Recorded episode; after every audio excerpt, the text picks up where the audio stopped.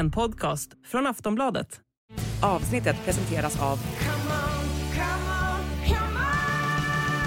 Stödvinnen.se, åldersgräns 18 år. Allting pekar på att Leo Messis tid i PSG är över och härnäst, ja, då väntar förmodligen Saudiarabien. Men vad skulle en eventuell flytt dit innebära? Vad är det som inte riktigt funkat för Argentinan i PSG och hur bra är egentligen Messi just nu? I dagens avsnitt finns Johanna Frändén med från Paris för att prata om detta och mycket, mycket mer. Du lyssnar på Sportbladet Daily med mig, Julia Karlsson.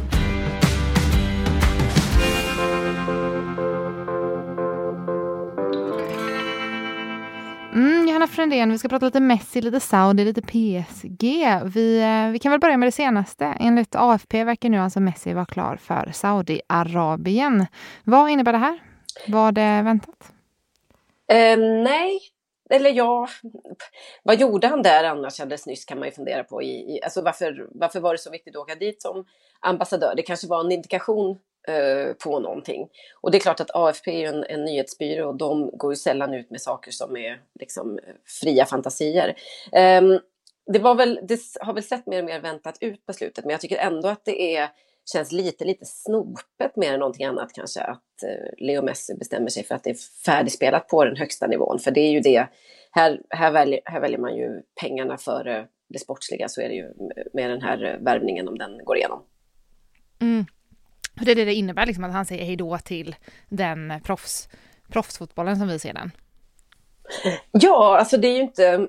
Egentligen är det, fort, det är fortfarande så att all klubbfotboll utanför Europa är ju eh, per definition inte den bästa. Eh, så är det ju och det, det förändras inte av att, av att den saudiska ligan och eventuellt försöker värva ett gäng kompisar till honom. Det pratas om eh, Sergio Busquets, Sergio Ramos kanske också, Marco Verratti har de varit och dragit i eventuellt då. Angel Di Maria och så för att det ska bli liksom ett bra, en bra miljö för Messi. Men det ändrar inte att, att ligan i sig inte är alls på den nivån som han har varit eh, tidigare. Och dessutom så tycker jag det är lite frapperande också, för många av de franska uppgifterna eh, som kom här idag då skriver man att det är lite oklart vilken klubb det blir. Eh, det står bara överallt att Messi går till Saudiarabien och det är ju, jag tycker det är en indikation så god som någon på vad det här handlar om, nämligen ett, ett land och en stat som, som gör den här typen av värvning. Det var ju lite samma sak egentligen med Cristiano Ronaldo. Man, man, man marknadsför sig som stat eh, i fotbollssammanhang och eh, det är liksom själva klubbvalet är mindre viktigt någonstans. Kanske lite självklar fråga nu, men eh, är det bara pengarna man gör det för?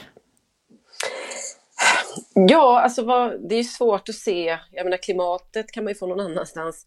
Man kan ju garanterat välja länder som är mycket friare. Jag menar Saudiarabien har ju Eh, Eh, är ju ett av världens sämsta länder när det kommer till, till mänskliga rättigheter. Vi har pratat mycket om Qatar och sådär, men här när vi pratar om kvinnors rättigheter och sånt, även om det har hänt en del på slutet så, så är det ju så att eh, Saudiarabien har, eh, har länge eh, tillhört bland de värsta länderna när det kommer till sånt här. Och i franska, i franska uppgifter, franska L'Equipe, så skriver man faktiskt att eh, det som möjligtvis ska kunna stå emellan den här affären är Eh, att Messis fru då, Antonella eventuellt inte är så sugen på att bo där. Men som svar på din fråga, ja, man väljer det för eh, pengarna. Det här är, handlar ju om eh, liksom enorma kontrakt, alltså vi pratar 500-600 miljoner, äh, miljarder äh, euro, vilket är liksom på en, på en äh, miljoner euro, 5-6 miljarder kronor helt enkelt, som är på en nivå som inte europeiska klubbar har möjlighet att erbjuda, framförallt inte en spelare som, som ändå är i sin, vad ska man säga, i sin karriärs skymning i någon mån, för det får vi ju ändå utgå från att Leo Messi är. Mm. Vad, det ser ut nu då som att vi kommer få, få se Ronaldo och Messi mötas igen. Vad, vad säger man om en sån, ett sånt möte? Ja, nej men det är precis, det är väl en, en eh, tanke bakom det hela och såklart en extra krydda eh, kring den här klubbövergången om, om den blir av då. Just för att det, någonstans så visar ju också Söderholm att pengar trumfar allt och man kan till och med få eh, återupptäcka då den här eh, enorma och fantastiska rivaliteten mellan de här två spelarna som, som pågick under ett eh, decennium mer eller mindre i, i La Liga. Så det är klart att det, en, det kommer att attrahera väldigt mycket uppmärksamhet också. Eh, jag tycker mer än någonting säger något om var, hur den europeiska fotbollens status och eh, varifrån pengarna kommer. För vi har ju sett att Saudiarabien har, gjort, har tagit sju mila kliv de senaste åren. Eh, I och med övertaget av, av Newcastle förstås, men också att man har lyckats eh, köpa till sig en massa matcher, alltså europeiska cupmatcher till exempel. Spanska, spanska La Liga är ju ett exempel på det, när eh, man har spelat eh, slutdelen av eh, Copa del Rey då, mm. semifinaler och finaler i Saudiarabien och man inte, det finns flera länder som har, har haft det upplägget, även i Serie A så finns det sådana exempel. Så att det, det är ju en, det här är klart att det blir någon form av en nivå till av den saudiska viljan att investera i, i eh, europeisk fotboll. Och det handlar om att, eh, precis som de flesta emiraten och eh, olje, de olje, oljediktaturerna, om man får eh, förenkla lite, behöver, liksom, de behöver en, en ny image, de behöver någonting nytt och, och kunna sälja in till omvärlden eh, när man inte längre har, har eh, den naturtillgången på sikt att använda. Så att eh, det är klart att Leo Messi mot Cristiano Ronaldo i den saudiska ligan, jag tror till och med att ganska många europeer skulle kunna tänka sig att slå på tvn och titta på det. Eh, för att det fortfarande kittlar lite grann. Eh, ja, men först Ronaldo och nu Messi, tror du att detta blir. Ehm, Tror du att detta kommer vara liksom trendsättande? Att fler och fler storstjärnor kommer avsluta sina karriärer i Saudi? Ja, absolut. Jo, men det är väl väldigt sannolikt. Det är ju precis ja, kan man skylta med att de två spelarna gjorde det här valet så kan man ju säkert logga dit i princip vem som helst. Så det, det tror jag inte alls är osannolikt och även om få kommer kunna kanske komma upp i, i de här siffrorna i lönekuvertet så kommer man kunna erbjuda, vad ska vi säga, superstjärnor på nedgående en eh, enorm eh, lön på ett sätt som gör att det kommer locka många, såklart. Say hello to a new era of mental health care. Cerebral is here to help you achieve your mental wellness goals with professional therapy and medication management support. 100% online. You'll experience the all new Cerebral Way, an innovative approach to mental wellness designed around you. You'll get a personalized treatment plan from a therapist, prescriber, or both in a safe and judgment free space. Your cerebral therapist or prescriber will outline a customized plan with clear milestones along the way so you can get to feeling your best. With Cerebral, you're not alone in your mental health journey. We're here to empower you to live a fulfilling life. So take that first step towards a brighter future and sign up today at cerebral.com slash podcast and use code ACasts to get 15% off your first month. Offer only valid on monthly plans. Other exclusions may apply. Offer ends July 31st, 2024. See site for details.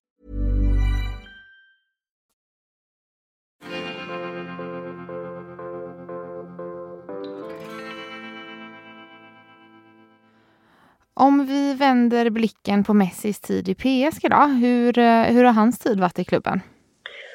Alltså den, den är ju en besvikelse, jag tror att det är svårt att säga något annat. förhoppningarna var ju otroligt höga.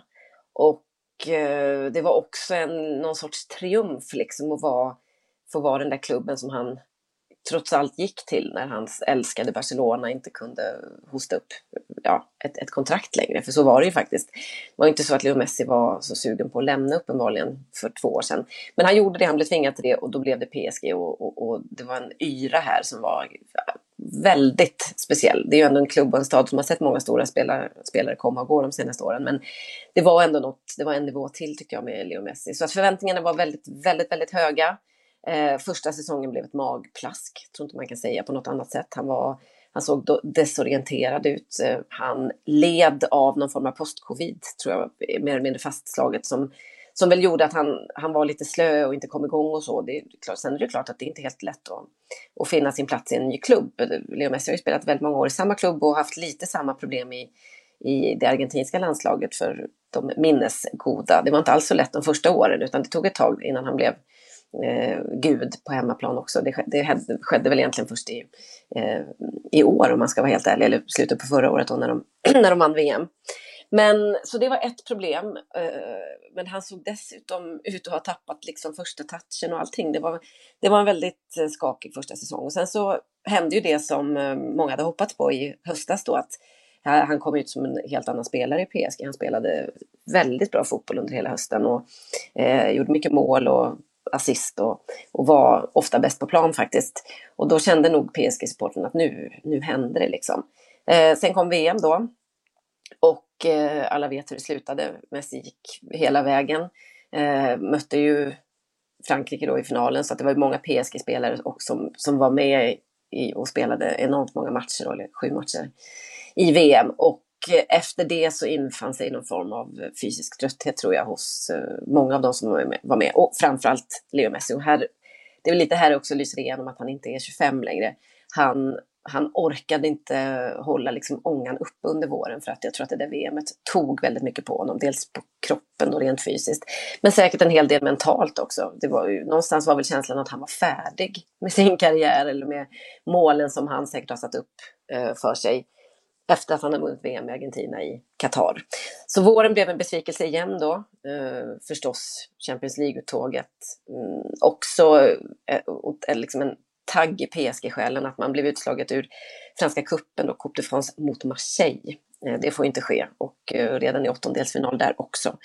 Så summa summarum så kommer Leo Messi på två säsonger här ha gjort en bra halvsäsong då, eller en bra höstsäsong och det är klart att det, det är inte tillräckligt gott facit för en spelare av hans kaliber. Hur är relationen just nu mellan honom och ledningen? Nej, den är väl inte någon jättebra relation just nu. Alltså fram till, eh, vad ska man säga, våren så har den ju varit betydligt bättre än vad den är nu. Det här blev ju liksom, tror jag, ett eh, kanske ett, det blev alltså en, en, första del eller en början på vad som kommer bli ett vad jag tror ett ganska surt avsked. Ehm, de, det är klart att det är väldigt speciellt att straffa och stänga av världens bästa fotbollsspelare, regerande världsmästare Leo Messi som är i, i, hård konkurrens nog den finaste värvningen som PSG har gjort i alla fall om man tittar till eh, vad han har för status och vad han har på sitt CV och så vidare. Ändå sju Ballon d'Or och det är svårt och det är inte många andra i, i världen som kan eh, komma ens i närheten av det. Det verkar också som PSG-fansen börjar tröttna rejält på Messi. Vad, vad är det som har lett till att det har skurit sig med supportrarna? Alltså jag tror att det är en, en känsla av ackumulerad frustration under många, många år hos PSG-supportrar. Det de blir lovade i princip varje sommar mer eller mindre, eller inför varje säsongstart, är ju att nu, nu jäklar liksom, nu, nu tar vi Champions League. Eh, för det är ju det stora målet för den här klubben och även om supportrarna de, de liksom, eh, vad ska man säga, lokala och gamla supportrarna älskar ju att vinna eh, Ligue 1 också, så är det klart att det, att det är Europaspelet som är det viktiga. Och eh, med alla värvningar som man har och alla liksom storstjärnor som har kommit de senaste åren så känns det alltid som att nu, nu, nu sker det. Eh, men faktum är ju att eh, efter att man spelade semifinal 2020 i Champions League under det här lite märkliga eh, covid turneringen som det blev till slut. Den avgjordes ju först i augusti och i Lissabon utan publik och så vidare. Efter det så har ju PSG bara hamnat längre och längre ifrån Champions League egentligen, eller slut, en buckla där i alla fall. Och under Messis två säsonger här så kommer man ju ha åkt ut i, i åttondelsfinal båda gångerna. Så supportrarna är trötta, de är trötta, trötta på storstjärnor som inte står upp och har det som krävs när det verkligen är tufft läge, när de verkligen behövs. När man möter Bayern München i en åttondelsfinal till exempel. Eh, och de är samtidigt väldigt trötta på ledningen, för det var ju de här demonstrationerna häromdagen skedde ju utanför vissa spelares hus, men också utanför PSG, alltså själva institutionen PSGs kontor då, mm. Eh, där man också krävde ledningens avgång. Så det slår väl frustrationen och, och besvikelsen slår åt lite alla håll. Eh, Leo Messi fick nog klä skott för ganska många år av vad man upplever är storstjärnor som Neymar till exempel, som inte finns där när han verkligen behövs. Det är väl en sak att latcha in ett hattrick mot Strasbourg i oktober. Men när man ska spela en åttondelsfinal eller kvartsfinal i Champions League så upplever man att många av de här har vikt ner sig och, och i år blev ju inget undantag. Då. This is Paige, the co-host of Giggly Squad, and I want to tell you about a company that I've been loving, Olive and June. Olive and June gives you everything that you need for a salon quality manicure in one box. And if you break it down, it really comes out to $2 a manicure, which is absolutely insane. It's also so easy to get salon worthy nails at home with Olive and June. The difference between how your nails used to look when you did them yourself and now with the Manny system is a complete game changer. The best thing about Olive and June too is it's a quick dry, dries in about one minute, lasts for five days, and full coverage in up to one to two coats. Visit oliveandjune.com slash perfectmanny20 for 20% off your first system. That's oliveandjune.com slash perfectmanny20 for 20% off your first system.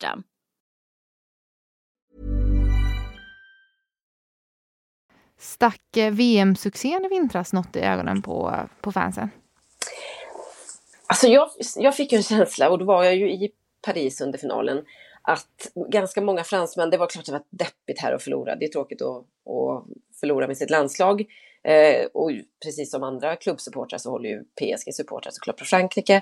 Många unnade ändå Leo Messi det här. Jag tror att många var lite glada för hans skull att det äntligen blev så. Det var som att historien fick rätt till slut på något sätt. Så jag tror inte att, att själva VM-triumfen i sig gjorde folk så sura. Det var, ett tag var det ju tal om att han skulle bli hyllad och få ta med sig bucklan ut på Parc des Princes.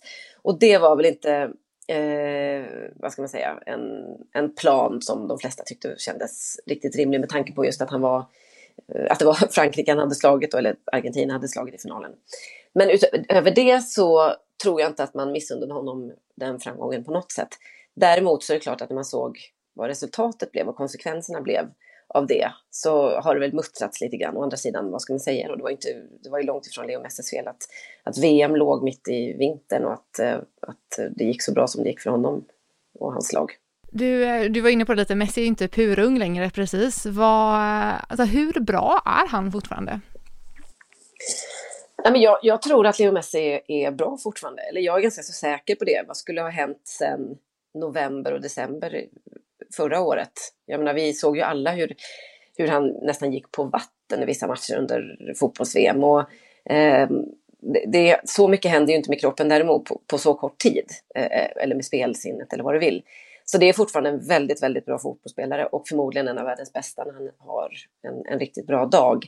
Eh, däremot är det klart att det är många år fotboll i kroppen som börjar ta ut sin rätt. Och, och jag minns ju som bevakade honom mycket i Barcelona för en 10, snart 15 år sedan, att, eh, att det var redan då eh, prat om att förr eller senare så måste man ju kanske börja eh, dosera Leo Messis speltid lite grann då, för att han var ju en sån där spelare som alltid spelade hela matcherna för, för Barcelona. Och det var inte förrän några år senare, tror det var när Ernesto Valverde tog över som tränare, som han liksom på något sätt lyckades övertala Leo Messi att jag, jag gör det en tjänst genom att byta ut dig eller rotera ibland eh, och inte spela med dig alla matcher för att du, det är det enda sättet att förlänga din karriär. Det är liksom eh, absolut elitnivå sedan 17 års ålder. Det, det tar på alla kroppar, även små argentinska genier. Så att, eh, jag, för att återkomma till frågan, det är fortfarande en väldigt bra fotbollsspelare när, han har, eh, när, när stjärnorna står rätt och, och kroppen orkar och så.